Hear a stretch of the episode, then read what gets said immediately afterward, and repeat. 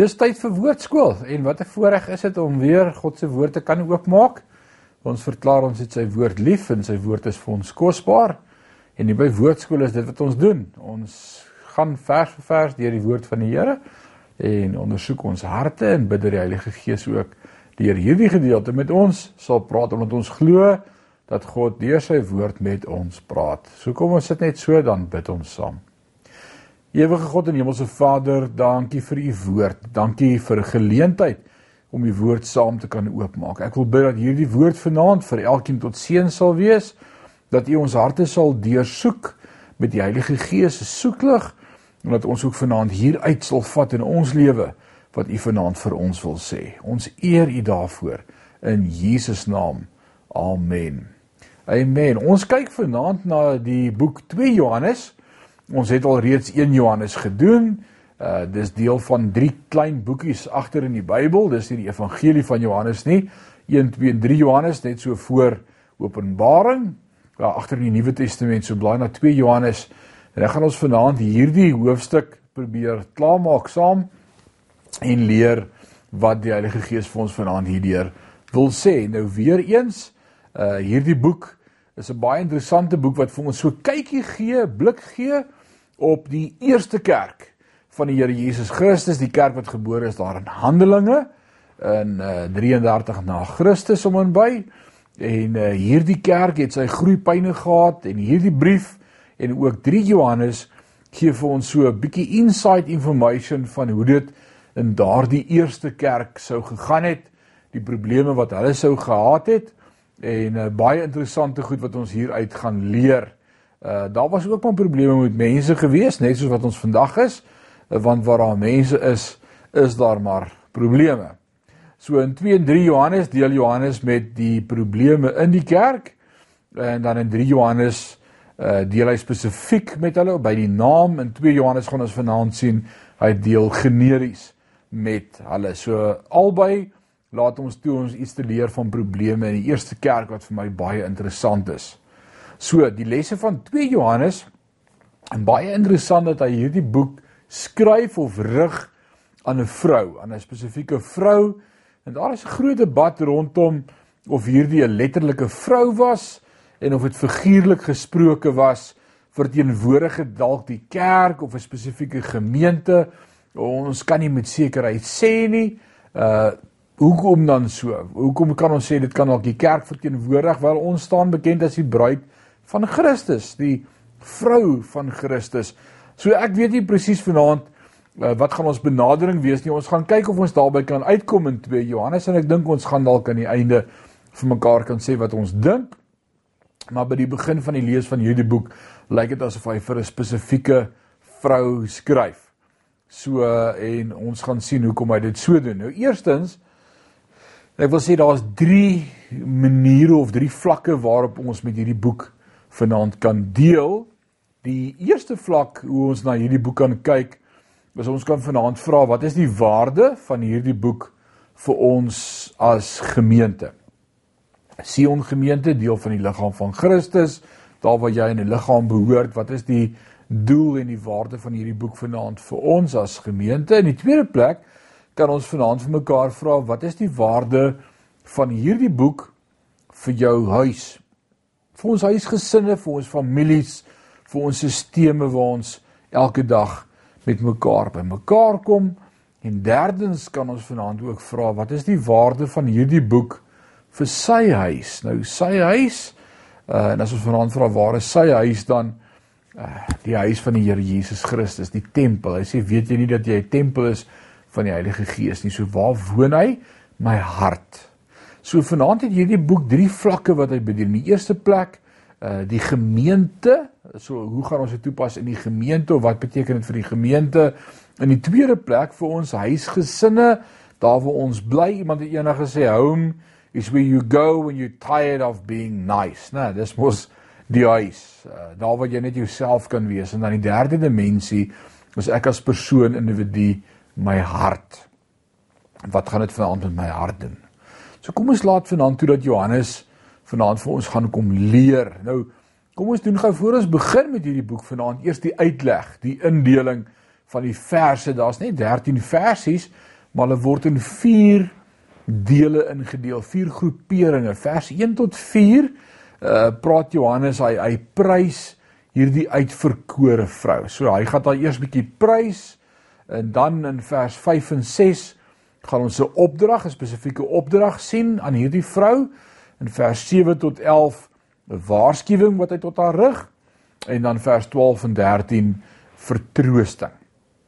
Nou onthou vanaand die hele tyd as ons hier na hierdie gedeelte kyk, na hierdie vier dimensies prys, opdrag, waarskuwing en vertroosting, dat ons sê dit dit reflekteer op drie vlakke vir ons in ons gemeenteverband, in ons huisgesinne verband en dan ook vir my as individu wat my hart betref. So onthou dit die hele tyd.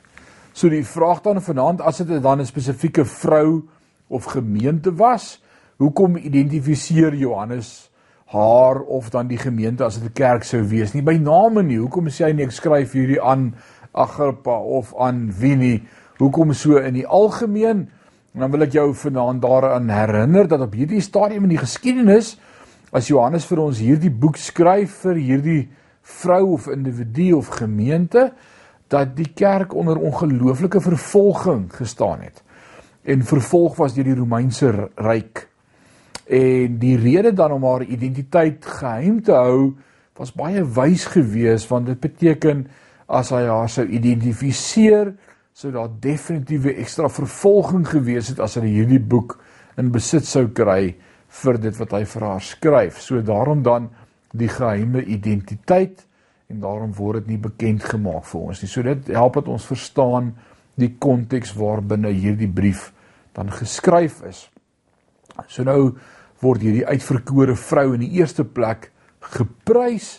En kom ons lees van vers 1 af dan in 2 Johannes 1 vers 1 begin hy te skryf in my 3353 vertaling en hy sê die ouderling. So hy identifiseer homself. Nou wil ek vra hoekom verwys Johannes nie na homself hier dan as 'n ouderling? Uh, ek en jy moet onthou hy was die langslewende en die enigste oorlewende van die apostels van Jesus gewees. Dit was aan die einde van sy lewe. Hy was op hierdie stadium reeds amper 100 jaar oud gewees en hy steeds betrokke by die bediening. Uh die ander disippels met die uitsondering van Judas Iskariot wat selfmoord gepleeg het, is almal vervolg. Hulle is doodgemaak vir hulle geloof. Hulle was martelare vir Christus. Johannes die langslewende, die laaste een wat oor is om te kan sê wat hy nog by Jesus ontvang het. Dit was beautiful, die disipel van liefde. So hy praat van homself hier as die ouderling. Hy mag maar sê ek is die ou toppie, die een wat weet, die enigste een wat oor is. En nou baie interessant as ons dink dat hy op die ouderdom van baie 100 jaar oud nog steeds in die bediening was, dan wil ek sê in die bediening van Jesus is daar nooit tyd vir uittreë of aftree nie. So Johannes verwys na homself as die ouderling. Nou wat skryf hy? Sê die ouderling aan die uitverkore vrou en aan haar kinders. So dit kan 'n gemeente gewees het, dit kon ook 'n individu gewees het. Wat ek in waarheid liefhet en nie ek alleen nie, maar ook almal wat die waarheid leer ken het. Terwille van die waarheid wat in ons bly en by ons vir ewig sal wees. Genade, barmhartigheid, vrede sal met julle wees van God die Vader en van die Here Jesus Christus, die seun van die Vader, die waarheid en liefde. Ek was baie bly dat ek van u kinders gevind het wat in die waarheid wandel soos ons 'n gebod van die Vader ontvang het. Nou baie interessant hierdie gedeelte, hierdie 4 verse. Nou hier is die ou dierbare apostel van Jesus, bekend as die apostel van liefde, die langslewende. Nou neem kennis dat Johannes meer as enige skrywer van die Bybel skryf en lering gegee het aangaande liefde en aangaande die liefde en die verhouding in liefde. Maar daar is ook 'n tweede deel van sy bediening wat ek en jy van moet kennis neem vanaand wat baie belangrik is. 'n Tweede ding waarop hy baie gehamer het, buiten of naas die liefde. En dit was gewees die waarheid. Meer as enige ander skrywer in die Nuwe Testament hamer hy op waarheid. Wat is die waarheid? In in die Evangelie Johannes praat hy meer as 20 keer van die waarheid. In 1 Johannes 9 keer die woord waarheid. Hier in 2 Johannes sommer in die eerste 5 verse of in die eerste 4 verse 5 keer die woord waarheid. In 3 Johannes 3 keer die woord waarheid. Hoekom is die woord waarheid in konteks met wat hy wil sê so belangrik? Omdat Jesus hom op die skouer getik het en hom 'n hart gegee het vir waarheid. Ek wil sê wanneer ek en jy in 'n verhouding met Christus staan, moet daar iets in ons lewe wees wat 'n honger het na die waarheid. Jesus self in Johannes 14 vers 6 as hulle dan vir hom vra nou hoe sal ons weet waar is die hemel en waar gaan die heen en hoe weet ons wat is die pad om daar te kom? Ons het nie daardie adres nie dan antwoord Jesus ek is die weg die waarheid en die lewe. Net Jesus kan waarheid bring in hierdie wêreld waarin ek en jy lewe. So wanneer ek en jy oor liefde praat en, en dit was die belangrikste aspek van Johannes se bediening waaroor hy praat. Naamlik sê kan dit dalk maklik soetsappig raak of sentimenteel begin raak en ons kan sekere dinge eh, eerder nie wil sê nie in die lig van die liefde. As ek dan regtig iemand liefhet, gaan ek nie so maak nie of ek gaan hom eerder maar los en jy moet hom daaroor praat nie. Johannes sê, "Oké. As ek regtig liefde verstaan, is daar 'n tweede belangrike been." Waarheid. En ons moet waarheid in ons lewe net so lief hê soos liefde. Maar Johannes bly in die waarheid aangaande Jesus omdat ek liefhet, praat ek die waarheid reguit. Ek dink dis die eerste punt wat ek vanaand uit hierdie gedeelte leer vir ons as gemeente vir my as individu as deel van 'n gesin binne ons gesinskonteks en gesinsverband, familieverband en dan die derde lyn wat getrek word met my eie hart. Kom ons dink gou vir 'n oomblik daaroor vanaand. As gemeente om die waarheid te praat in liefde. Die woord sê as jy jou broer iets sien doen, moet ons mekaar in liefde vermaan of teregwys. Die liefde moet die eerste dryf wees, maar ons moet daarom ook die waarheid met mekaar praat. Ons moet nie bang wees of afwyk van die waarheid af net omdat ek liefhet nie, omdat ons die gemeente liefhet. Omdat ek as herder elke lidmaat in hierdie gemeente liefhet, praat ek oor elke aspek van God se woord met jou. Is ek nie bang om sekere dinge op U naam te doen om oor sonde te praat nie, want ek het jou lief genoeg om met jou die waarheid te praat. Omdat ek my vrou en my kinders in gesinskonteks liefhet. En die beste vir hulle wil hê. Is daar sekere goed wat ek nie oor gaan stil bly net omdat ek lief is vir hulle nie. Nee, ek gaan die waarheid met liefde praat my seun naderroep en sê seun, pappa is ongelooflik lief vir jou, maar hierdie is die waarheid aangaande jou optrede. Selfs met my vrou, selfs met mekaar. Omdat ons mekaar liefhet, praat ons met mekaar die waarheid in liefde. Daar's 'n manier om dinge te sê. Ek wil jou vanaand vra, het jy iemand lief genoeg om met hom reguit die waarheid te spreek? Dis belangrik. En dan die derde belangrike been vanaand met myself as individu. Dis fyn om te sê Christus het my lief en en hy het my sonde vergewe en gesterf aan die kruis en hy omarm my en sy genade is oor my en dis awesome. Maar ek het vanaand myself ook lief genoeg om wanneer ek stilte tyd hou en stil word met God se woord toe te laat dat ek vir myself sê Rinus die waarheid is jy moet nog hier aan werk in jou lewe. Daar moet groei wees in my en jou lewe. So hierdie drie dimensies en hierdie drie lyne in parallelle gaan ons die hele tyd trek uit hierdie gedeelte uit vanaand. So omdat ons God liefhet en sy liefde verstaan, is dit nie vir ons 'n verskoning om die waarheid reguit te praat nie. So ons deel met God se gemeente en met ons gesinne en ook met onsself as individue praat die waarheid in liefde. Deel altyd met alles in waarheid en liefde. Wat is vanaand die waarheid? Jesus Christus. En sy oneindige liefde vir ons. En dat hy jou nie gered het om so te los nie, maar dat hy in ons werk en dan ons skuur en timmer en verander deur sy Heilige Gees. Dat hy vir ons in ons plek gesterf het. Ek en jy was dood en verlore in ons sondes en hy het namens ons die prys betaal en met ons plekke geruil sodat ek en jy volgens Paulus in Efesiërs 1 saam met hom kan sit in hemelse plekke. Oh man, dis die waarheid en dis amazing vanaand. So na hierdie waarheid wat hy met haar spreek en haar timmer en weer wys op die waarheid, die tweede ding vanaand is die opdrag wat dan na dit kom. Nou kom ons lees vers 5 en 6 saam.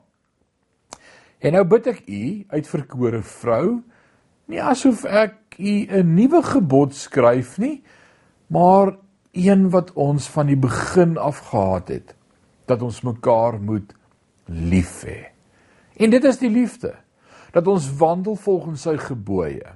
Dit is die gebod soos julle van die begin af gehoor het en dat julle daarin moet wandel.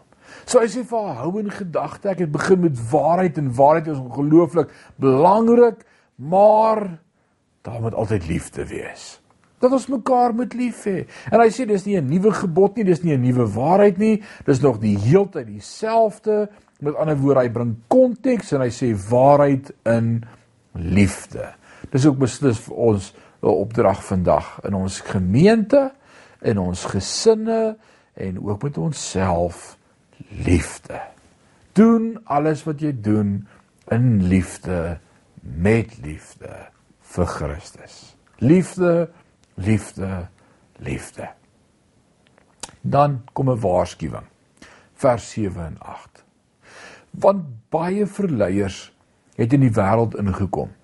Die wat nie bely dat Jesus Christus in die vlees gekom het nie. Dit is die verleier en die anti-kris. Wees op julle hoede. Dat ons nie verloor wat ons deur arbei verkry het nie, maar 'n volle loon ontvang. Wat sê Johannes in vers 7 en 8? Wat is sy waarskuwing? Hy sê wees versigtig dat ons nie in die idee van liefde alles net aanvaar en verby waar jy kyk nie. Wees nugter en pasop. Moenie verloor wat God in jou lewe gedoen het nie. Wat is hierdie waarheid vanaand vir my en vir jou? Ons moet nugter wees. Vers 9 is deel van daardie uh waarskuwing. Hy sê elkeen wat 'n oortreder is en nie bly in die leer van Christus nie, hy het God nie.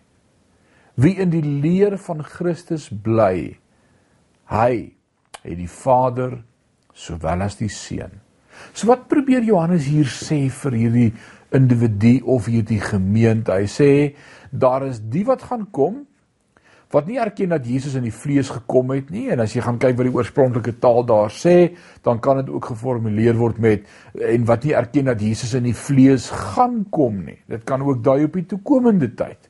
Met ander woorde eskatologie uh, dat Jesus weer gaan kom. Dit dit met ander woorde nee, die Here gaan nie kom nie of of hy het nie in die vlees gekom nie soos wat sekere gelowe selfs vandag uh, die Jehova se getuies en onder andere sê dat nee, Jesus het nie in die vlees gekom nie. Hy was in die gees hier ja, maar nie in die vlees nie. Nou wat sê hy? Hy sê oppas. Moenie mislei word nie. Moenie mislei word met hierdie leuen nie.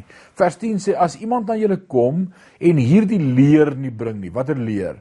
Dat Jesus in die vlees gekom het en dat Jesus in die vlees weer gaan kom. Dis goeie nuus, né? Jesus is op pad. As iemand dan hierdie leer nie bring nie, ontvang hom nie eens in jou huis nie en groet hom nie Want die een wat hom groet, het gemeenskap aan sy bose werke.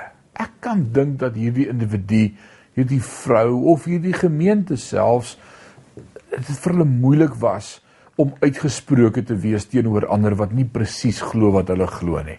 Veral rondom eskatologie en veral rondom die koms van Jesus dan in vlees. En hulle dalk daardie uh, twee stryd in hulle self gehad. Hoe hanteer ons dit? Bly ons maar net stil? Uh, stem ons eerder saam oor die goed waaroor ons saamstem en vergeet van die goed waaroor ons verskil? Johannes kom. Die disipel van liefde. En dan spreek hy die waarheid in liefde en hy sê hier is die waarheid en dis wat ons met liefde praat. Hierdie ouens is nie van ons nie, dis die gees van die anti-kris. Identifiseer dit en onderskei dit en dan distansieer jou van dit. Met ander woorde, moenie toelaat dat jy afgetrek word na ander se geloofslevels toe nie. Hou die geloof in Christus. Christus is met jou tot aan die volëinding van tyd en hy gaan weer kom. En as jy hierdie boodskap gaan verloor, Dis nie die moeite werd om te verloor vir liefde nie. Nee, liefde en die waarheid sê ek gaan een kant staan. Ek stem nie met jou saam nie. Ek behou die geloof in Jesus Christus. Met ander woorde staan sterk in die geloof. En dan 'n woord van vertroosting. Die vierde woord vers 12 en 13. Wat sê hy daar? Alhoewel ek baie het om aan julle te skryf. Nou hier is 'n hint Hier is 'n hier's iets geheim weggesteek, né? Vir my en vir jou. Vir my dui dit eh, nie net dalk op 'n vrou en haar paar kinders nie. Dit kan dalk gemeente konteks wees. Ek weet nie. Dis vir my so iets van gemeente konteks. Hy sê alhoewel ek baie het om aan julle te skrywe, wou ek dit nie met papier of ink doen nie. Maar ek hoop om na julle te kom en van mond tot mond te spreek sodat ons blydskap volkome kan wees. Die kinders van die uitverkore suster groet u. Amen. Nou wat hy hier sê is ek weet jy het nog baie vrae om te vra. Ek weet daar's meer as hierdie vier goedjies wat ek vir jou nou genoem het.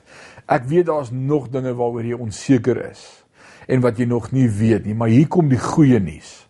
Ek gaan nie dit met papier en pen met jou bespreek nie. Ek gaan dit direk self met jou kom bespreek. En dis goeie nuus. Dit is vertroosting. Dit bring rus by haar om te weet, okay, hier's meer om te sê. Ek weet ek het meer vrae, maar hy gaan my ook antwoord. Hoe pas ons dit toe vanaand vir myself? Wat sê dit vanaand vir my? En vir jou? Ons het baie vrae in ons harte, het ons nie? in hierdie tyd dit wat gebeur die ekonomie in hierdie week die afsterwe van geliefdes in ons eie gemeente uh die aankondiging van eie gemeentelede wat met COVID uh positief getoets is party in die hospitaal party by die huise onder kwarantyne hoe naby dit aan ons eie gemeente kom in ons eie dorpie Parys sommer net hier om die hoek En dan sit ek met tye en ek vind myself dat ek vra vra vir die Here. Vra waarvoor ek nie nou antwoorde het nie. Emosies wat ek beleef uh, en dit is moeilik om hierdie emosies los te maak van jou as individu. Uh, nee, dit vat dit vat emosioneel aan elkeen van ons, veral in ons leierskap in ons gemeente. Ons beleef dit, dis ons familie, dis ons boeties en sissies in die Here. Uh dis soos my eie broer en suster wat sterf uh, by 'n oop graf gestaan hierdie week Vrydag uh grafrede moes doen. Dit is dis moeilik. Dis seer. En dan beleef ek ook met my vader praat oor hierdie goed en vra vra. En vir my die goeie nuus. Uit hierdie gedeelte uit vanaand in Johannes en hierdie laaste twee verse herinner ek my aan die woorde van Paulus aan die gemeente in Korinte. As hy sê ons kyk nou soos in 'n raaisel in 'n spieël. Nee, ons weet nie. Hy sê ons ken ten dele. 1 Korintiërs 13. En ons verstaan nie. Daar's daar's goed wat gebeur wat vir my en jou net nie sin maak nie. En ek seker in jou eie omstandighede in jou lewe in hierdie laaste 120 dae is daar vrae wat jy gevra het en en en en daar's net nie antwoorde vir dit nie. Dan herinner ek my vanaand dat Paulus skryf, maar eendag as ons by hom is, ah, ons sal weet. En is dit nie goeie nuus nie? Ek dink nie een van ons gaan eendag by Jesus 'n antwoord kry en sê, "Nee, dis nie die antwoord wat ek wou gehad het nie." nee, ek dink wanneer Jesus eendag vir ons konteks bring aan ons lewe en dit waartoe ons moet werk en dit wat ons nou deur gaan, dan sal ons dit net beleef as goeie nuus. En dit gaan berusting bring by ons. En dit gaan vrede bring in ons harte. En daarom kan ek ook vanaand hier in vrede vind om my vanaand opnuut te herinner dat soos wat ons deel is met hierdie wedloop en in hierdie wedloop is en hardloop en daar dinge is wat ek en jy nie verstaan vanaand nie. Ek en jy eendag sal verstaan.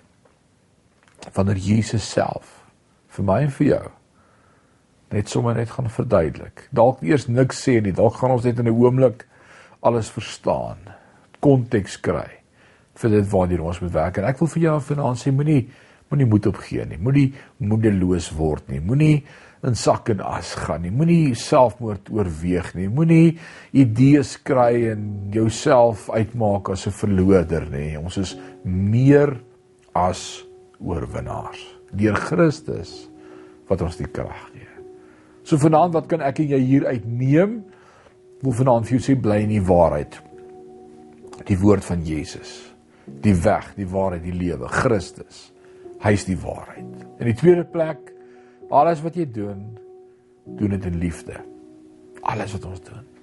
In die derde plek, pas op vir die leuen en die misleiding. Die woord sê in die laaste dae is daar baie wat julle gaan probeer mislei en sê kom hierheen of hy is hier of hy sê nee, gaan in jou binnekamer en fokus op Christus. In die vierde plek. Eendag sal ons alles verstaan. Dan sal ons weet. Kom ons bid saam. Vader, u woord is kosbaar. U woord is kosbaar. Ons het die woord lief. Dankie vir 2 Johannes. Paar versies. Relevant vanaand tot elkeen van ons.